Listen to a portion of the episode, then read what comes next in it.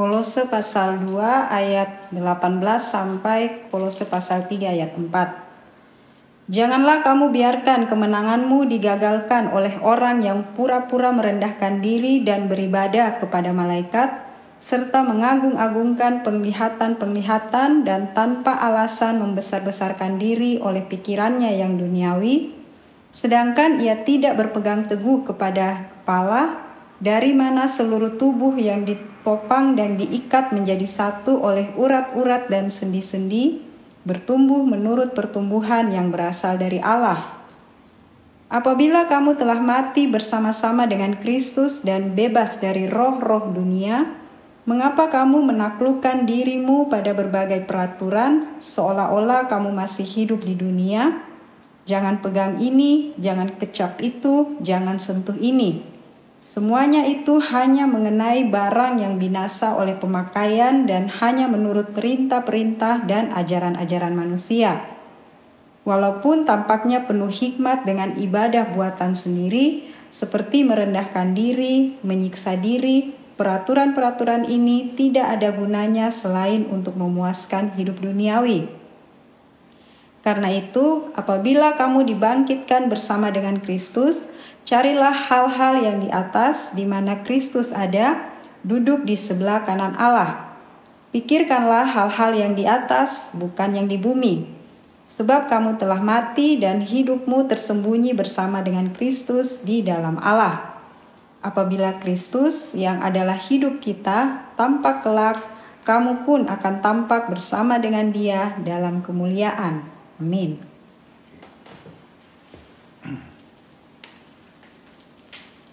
Bapak Ibu, saudara-saudari, adik-adik yang dikasih Tuhan, ini adalah surat dari Rasul Paulus buat jemaat Kristen yang ada di kota Kolose.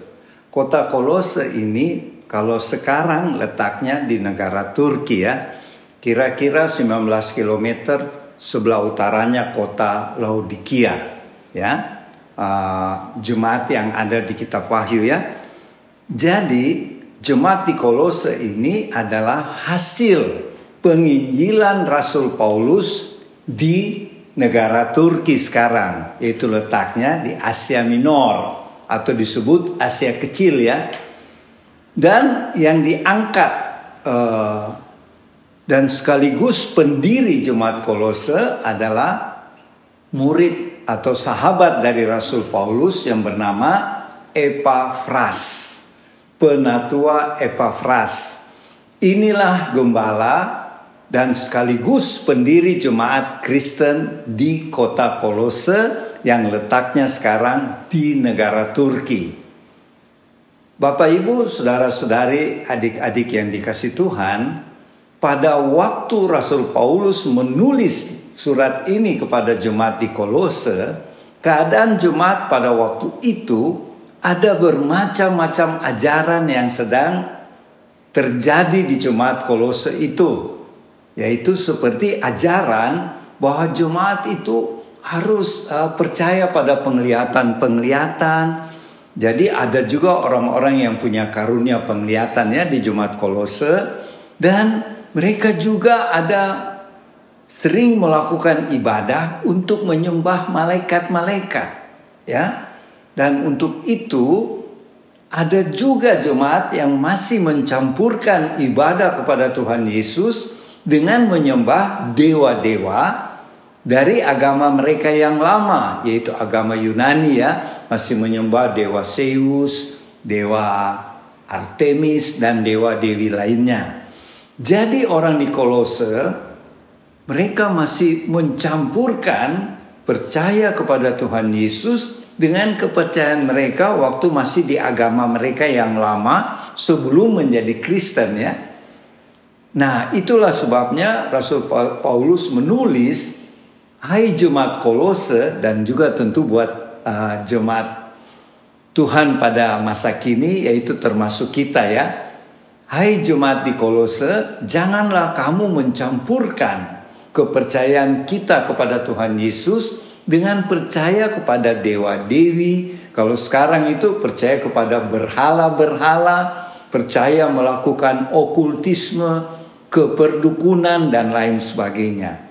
Jadi kasus di jemaat Kolose mirip dengan jemaat di akhir zaman ini di mana kami warlot waktu melakukan pelayanan masih banyak juga orang-orang percaya yang masih suka ke dukun, masih percaya tahyul-tahyul dan kadang-kadang lebih percaya kepada penglihatan yang mereka terima daripada firman Tuhan. Nah, ini uh, koreksi buat kita ya seperti Rasul Paulus uh, mengoreksi jemaat di Kolose. Jadi mari Bapak Ibu Saudara-saudari kita sungguh-sungguh kembali back to Bible. Artinya kembali ke firman Tuhan dan percaya sungguh-sungguh kepada Tuhan Yesus bukan kepada Allah-Allah lain, dewa-dewa lain atau kalau istilah sekarang jangan melakukan okultisme ya. Percaya Tuhan Yesus tetapi tetap percaya kepada ilah-ilah lain yaitu berhala-berhala ya. Sebab di balik berhala-berhala itu adalah roh-roh jahat, setan-setan. Nah, pada saat ini uh, saya juga mau memberikan kesaksian bahwa ketika kita sungguh-sungguh percaya Tuhan Yesus, dan kita sungguh-sungguh mau bersaksi dan melayani Tuhan, melayani sesama kita, khususnya uh, teman-teman Warlord Ministry, karena Tuhan sudah menganugerahkan karunia-karunia Roh Kudus kepada teman-teman Warlords dan mungkin juga Bapak Ibu saudara-saudari yang mengikuti ibadah ini, pakailah karunia-karunia itu, talenta-talenta itu untuk memenangkan jiwa-jiwa buat Tuhan Yesus. Bukan untuk kita menyembah Allah-Allah lain atau menyembah malaikat seperti yang dilakukan jemaat di Kolose. Dan juga jemaat di Kolose itu masih uh, mengagungkan filsafat-filsafat duniawi. Karena mereka dulu adalah pengagum filsafat-filsafat dari bangsa Yunani. Kita tahu uh, filsafat itu, filosofi itu asalnya dari uh, cendekiawan-cendekiawan Yunani seperti Plato, Aristoteles dan lain-lainnya. Jadi mari Bapak Ibu Saudara-saudari, adik-adik yang dikasih Tuhan melalui uh, peringatan atau teguran Rasul Paulus kepada jemaat di Kolose itu juga merupakan peringatan bagi kita duta-duta Kristus di akhir zaman di mana kita hidup sekarang dengan banyak permasalahan-permasalahan yang timbul. Dan kalau kita lihat di Timur Tengah sekarang terjadi peperangan yang dahsyat antara bangsa pilihan Tuhan yaitu bangsa Israel dengan kaum teroris Hamas yang tinggal di area Gaza Palestina. Kita percaya bahwa Tuhan menyertai bangsa pilihannya dan pasti kemenangan ada di bangsa pilihan Tuhan. Nah, Bapak Ibu, saudara-saudari, adik-adik, dari keadaan dunia yang seperti saat ini yang penuh dengan masalah, peperangan, sakit penyakit, sekarang timbul lagi penyakit cacar monyet dan lain-lain. Mari kita tetap tenang, kita tidak panik karena itu pesan Tuhan Yesus di Matius pasal 24 menjelang kedatangan Tuhan Yesus Tuhan katakan akan terjadi perang di mana-mana. Contohnya sekarang perang bangsa Israel dengan teroris Hamas. Ada timbul kelaparan, dan di Indonesia pun terjadi kelaparan di daerah NTT, di daerah Papua. Marilah kita berdoa dan percaya Tuhan memelihara anak-anaknya dari bahaya kelaparan ini.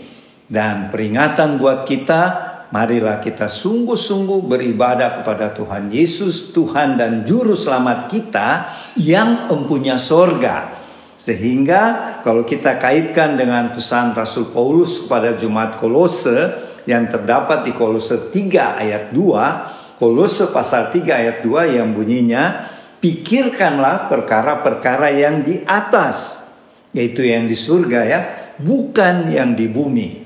Maksud Rasul Paulus gini, kalau kita sungguh-sungguh menjadi pengikut Tuhan Yesus, anak-anak Allah, tentu kita sudah memikirkan bahwa kehidupan kita di bumi ini hanya sementara, bersifat fana.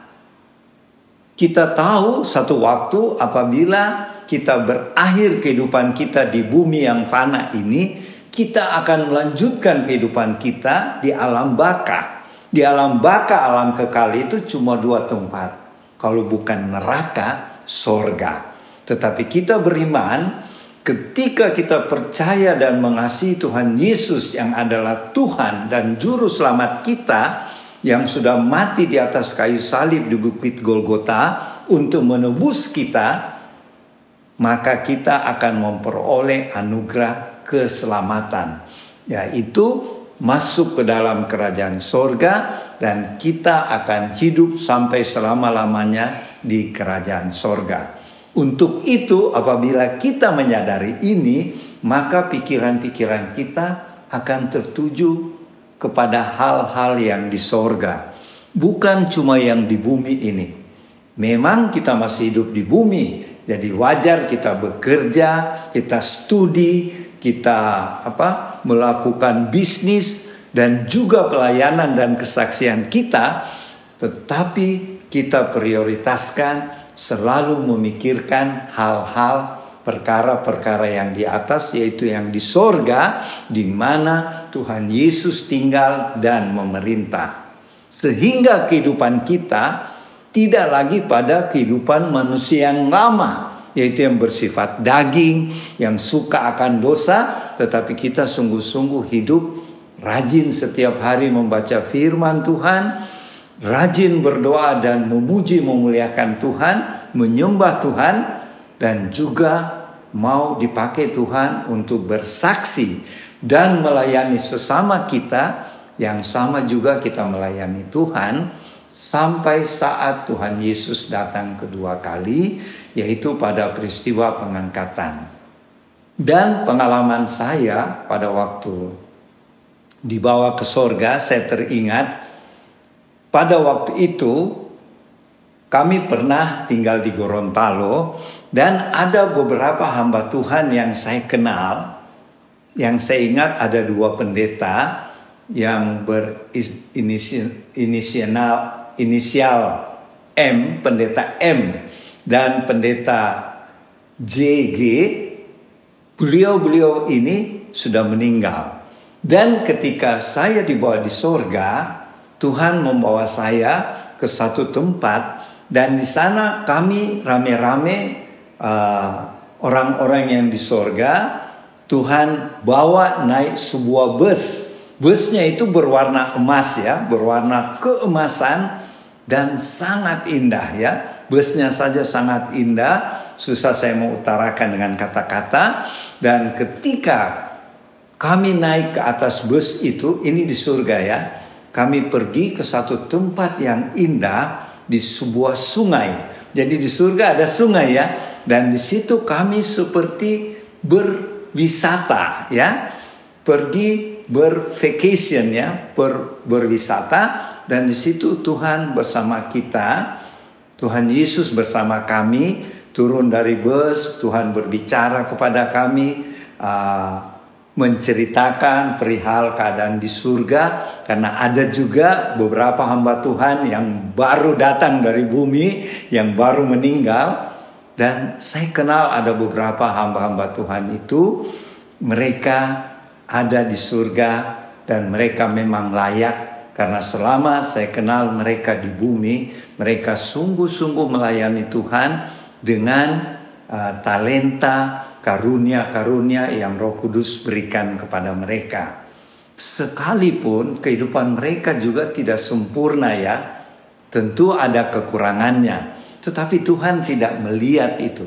Tuhan melihat apakah kita benar-benar mengasihi Tuhan, mengasihi sesama, dan melaksanakan pelayanan-pelayanan kita dengan sungguh-sungguh, dengan motivasi, kerendahan hati, dengan motivasi untuk memenangkan jiwa-jiwa buat Tuhan Yesus. Ya, jadi di sorga ada tempat-tempat yang indah, ada juga kereta, kereta api ya, berbentuk kereta api yang uh, berwarna emas. Jadi di sana sebuah indah ya, dan kebanyakan berwarna emas ya. Dan sesampai di sungai kita bercerita, makan makanan yang Tuhan sediakan dan kalau ingat itu kembali kita harusnya semakin bersemangat untuk melayani Tuhan bersaksi selama Tuhan beri kesempatan kita ada di bumi ini. Dan semoga kesaksian yang sederhana ini tetapi sangat berharga bisa mendorong kita untuk lebih mengasihi Tuhan, mengasihi sesama dan lebih rajin lagi uh, teman-teman uh, warlot untuk melayani Tuhan, melayani sesama sambil bersaksi tentang kebaikan dan kasih Tuhan Yesus. Demikianlah yang bisa saya sampaikan. Semoga memberkati Bapak Ibu, saudara-saudari, dan adik-adik. Dan berikutnya nanti Oma Palar yang akan melengkapi pemberitaan firman ini. Selamat siang Bapak Ibu, saudara-saudari, teman-teman warlot di rumah.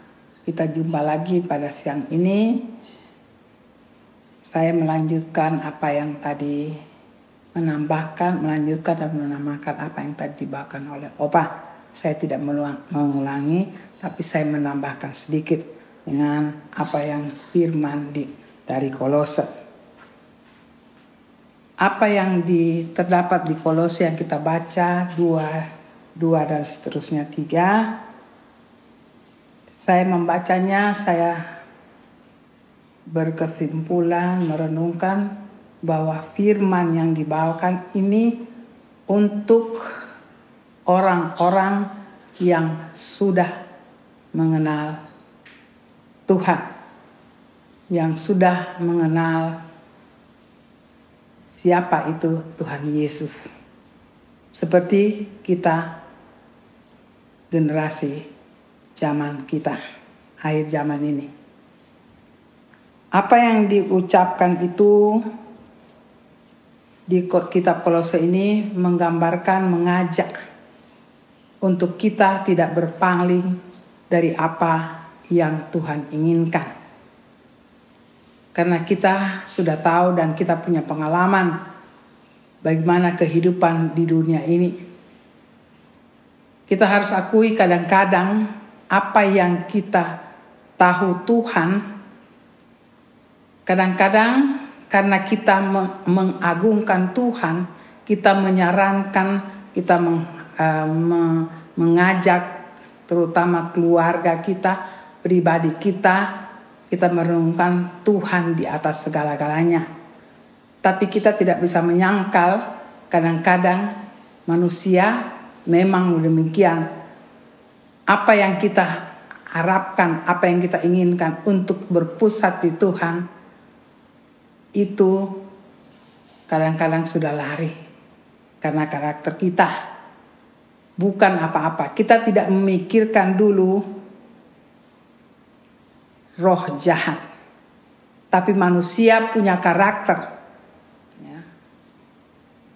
Saya mendasarkan ini dan saya merenungkan benar-benar firman hari ini mengajak kita untuk hidup benar di dalam Tuhan hidup yang Tuhan mau. Di sini mari kita renungkan bersama-sama. Kalau apa yang Tuhan mau tidak bisa kita hanya membaca dan kita hanya melihat rambu itu. Dan akhirnya kita bisa dibawa pada satu suatu hal yang kita membuat sesuatu tapi kita menghafal rambu, kita menghafal firman, kita menghafal apa yang Tuhan mau, tetapi tidak dihayati. Itu yang kadang-kadang membawa kita keluar. Keluar dari apa yang Tuhan mau. Tetapi dasarnya kita katakan itu Tuhan. Dari kesimpulan apa yang kita baca siang ini, tidak ada kata lain. Harus berpusat pada Tuhan Yesus Bagaimana kita berpusat pada Tuhan Yesus? berulang-ulang setiap firman yang saya kami bawakan selalu kata intim. Keintiman itu pengertiannya tidak ada perbedaan kita dengan Tuhan. Tuhan di dalam kita, kita dalam Tuhan itu menjadi satu. Saya ajak itu sebelum jauh. Kita setelah kita baca renungkan, saya saya ambil kesimpulan keintiman itu membawa kita satu dengan Tuhan. Jadi apa yang difirmankan hari ini tidak yang diajak jangan kita dengan segala peraturan dunia ini kelihatannya bagus ya supaya kita tidak jauh dari Tuhan. Tapi kalau kita intim dengan Tuhan, hal-hal demikian kalaupun memang itu ada karena kita katakan kita tidak bilang kita bisa tidak tidak betul-betul intim tetapi kita dikontrol oleh keintiman dengan Tuhan itu. Tapi kalau kita buat diri kita hanya melihat aturan, kita tahu Tuhan. Kita tahu aturan yang Tuhan buat kita jalan hanya kata akhirnya kita bisa berjalan. Das, da, pertamanya memang dengan Tuhan. Tetapi lama kelamaan kita di bawah hanya melihat aturan itu supaya kita kedua itu Tuhan. Itu kalau keintiman tidak ada.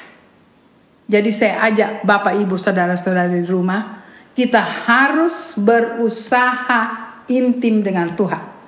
Apa pun yang kita renungkan, kita baca firman, setiap hari kalau bisa dan kita juga berjalan dengan apa yang Tuhan mau maka di situlah terjadi keintiman saya tidak ulangi lagi tentu Bapak Ibu di rumah bagaimana memupuk keintiman dalam di dalam keintiman di dalam Tuhan. Saya percaya Bapak Ibu tahu. Jadi apa yang dikatakan di dalam firman hari ini keintiman yang dikatakan hari ini tidak ada lagi. Saya, saya katakan bisa tidak ada? Bisa ada tapi kita dikontrol kontrol oleh Tuhan dalam keintiman itu.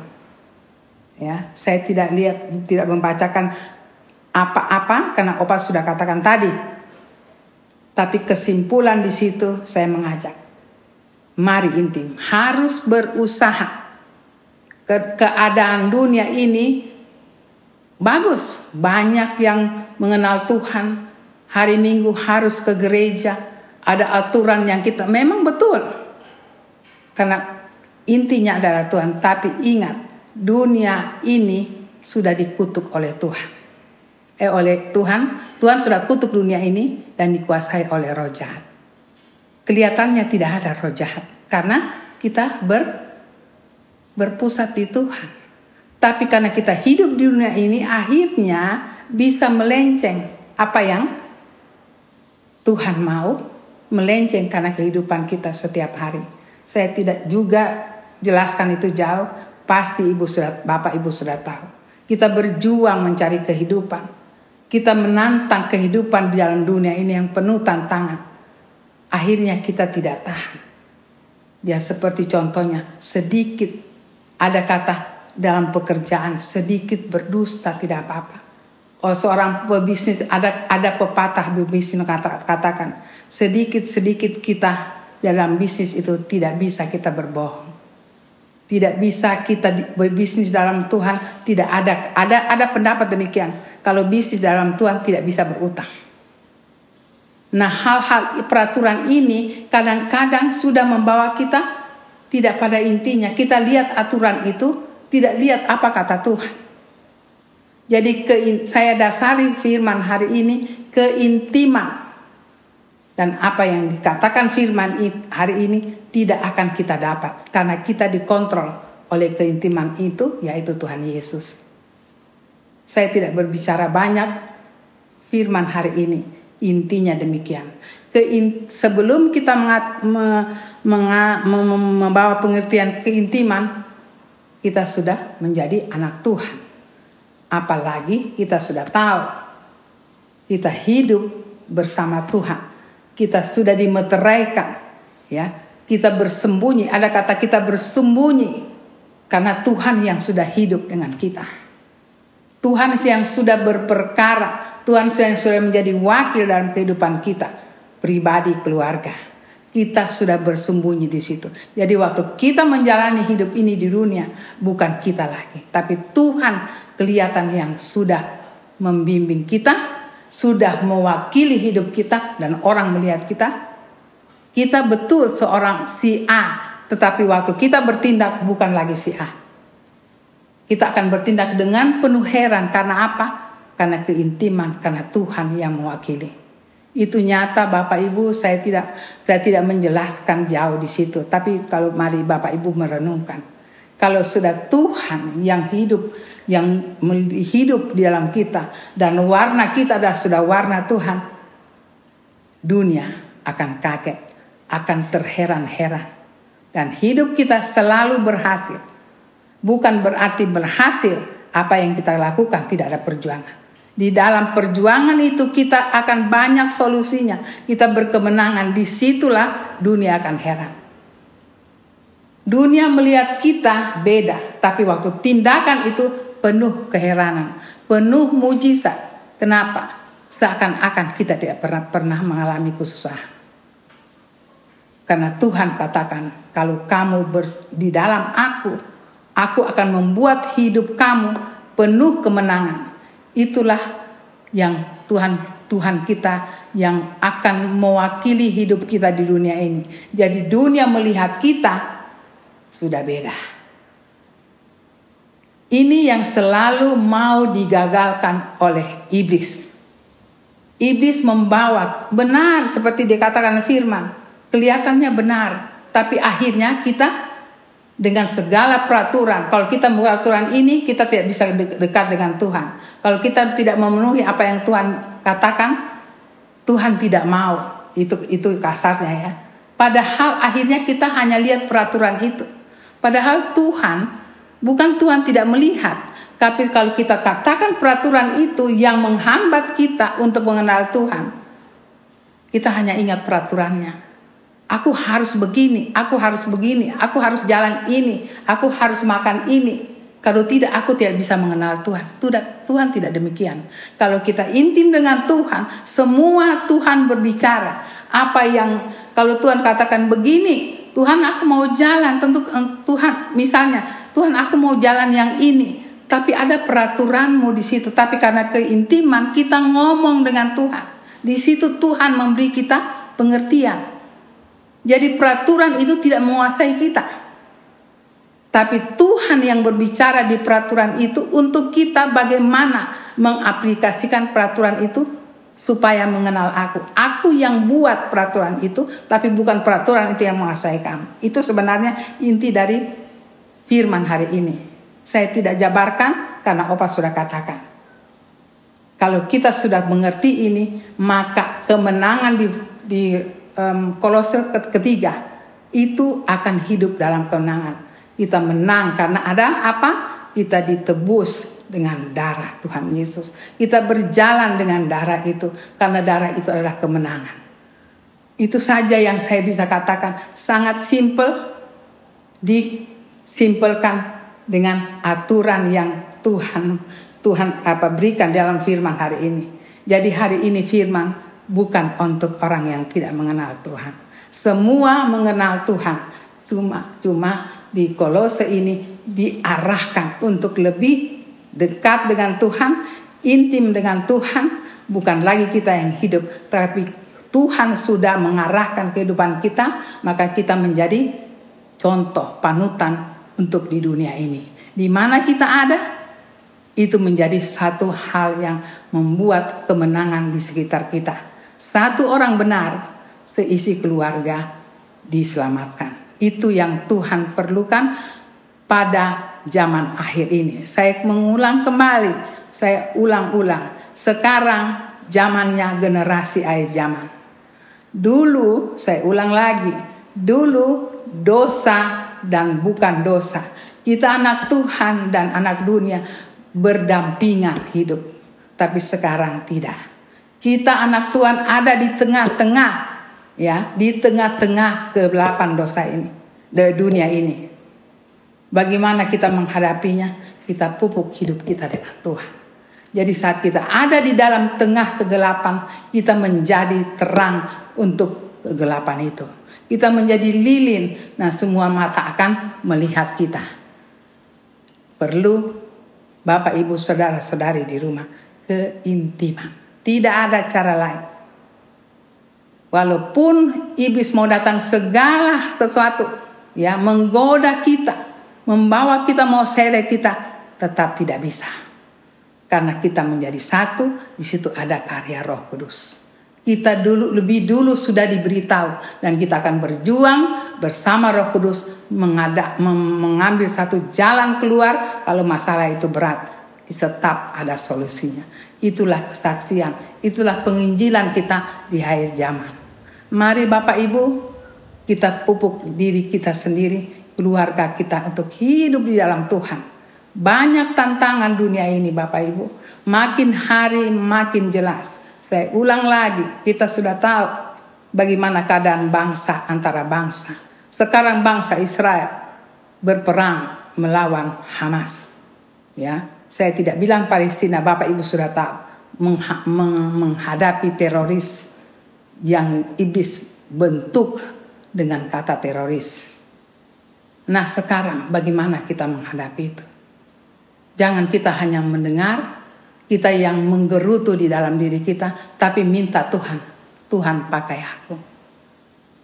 Pakai aku dalam keadaan ini. Mungkin Tuhan mau bawa aku, mari. Mungkin, mungkin Tuhan mau bawa keluarga aku, mari Tuhan. Kami buka hati apa yang Tuhan mau.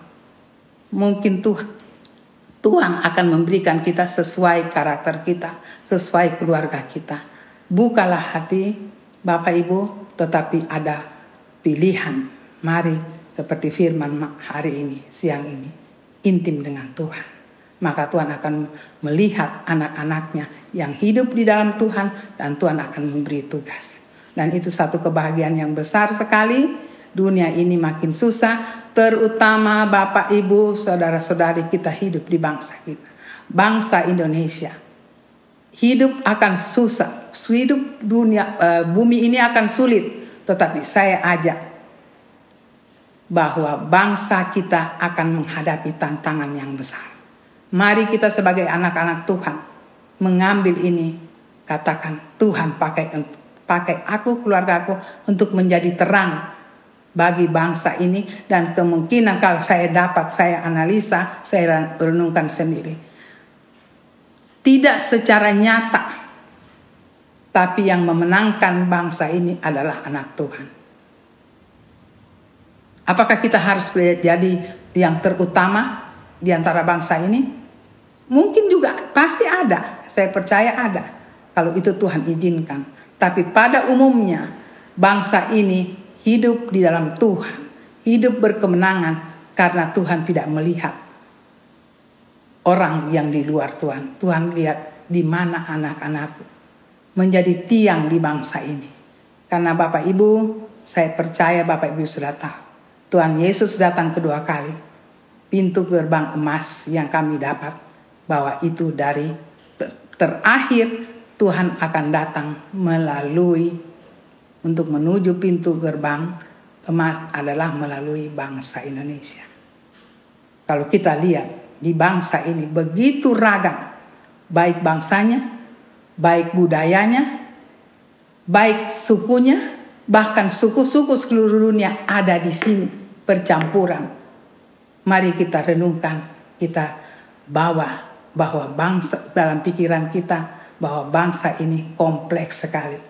Dan di situ karena kami bekerja bergerak di dunia super, supernatural, saya mengambil kesimpulan iblis menyerang Indonesia karena di Indonesia adalah pusat kedatangan, pusat eh, perkataan bahwa pusat pintu gerbang akhir zaman untuk menuju pintu gerbang gerbang emas di Yerusalem.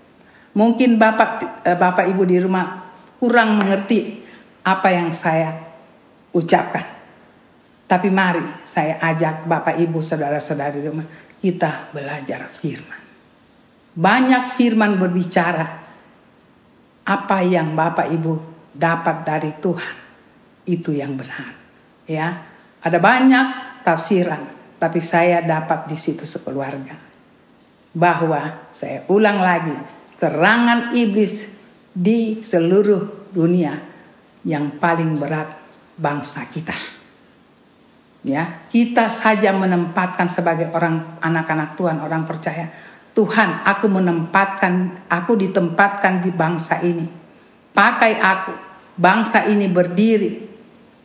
Pakai aku, pakai semua anak-anak Tuhan untuk tetap bangsa ini tidak jatuh karena ada anak Tuhan. Itu yang saya rindukan Bapak Ibu di rumah pada siang ini. Saya tetap mengajak, marilah kita berdiri sebagai anak Tuhan untuk bangsa ini. Pancarkan semua apa yang Tuhan bicarakan firman ini tetap intim dengan Tuhan. Maka apa yang disarankan melalui firman hari ini kita punyai semua ya. Itu saja yang saya bisa katakan pada siang hari ini. Kiranya Bapak Ibu bisa mengerti, mungkin saya tidak terlalu ahli dalam berbicara, tapi saya minta Roh Kudus memberikan pengertian yang lebih lagi dari apa yang saya bicarakan. Kita sama-sama bergerak secara rohani belajar apa yang Tuhan mau dalam hidup kita. Belajar rohani yaitu firman Tuhan. Maka Roh Kudus akan bertindak lebih dari apa yang kita rindukan. Maka apa yang kita buat itu menyenangkan hati Tuhan. Terima kasih. Cukup pada siang ini kita bertemu lagi di minggu berikutnya. Maranatha, Tuhan Yesus akan menjemput kita yang apa yang kita rindukan. Amin.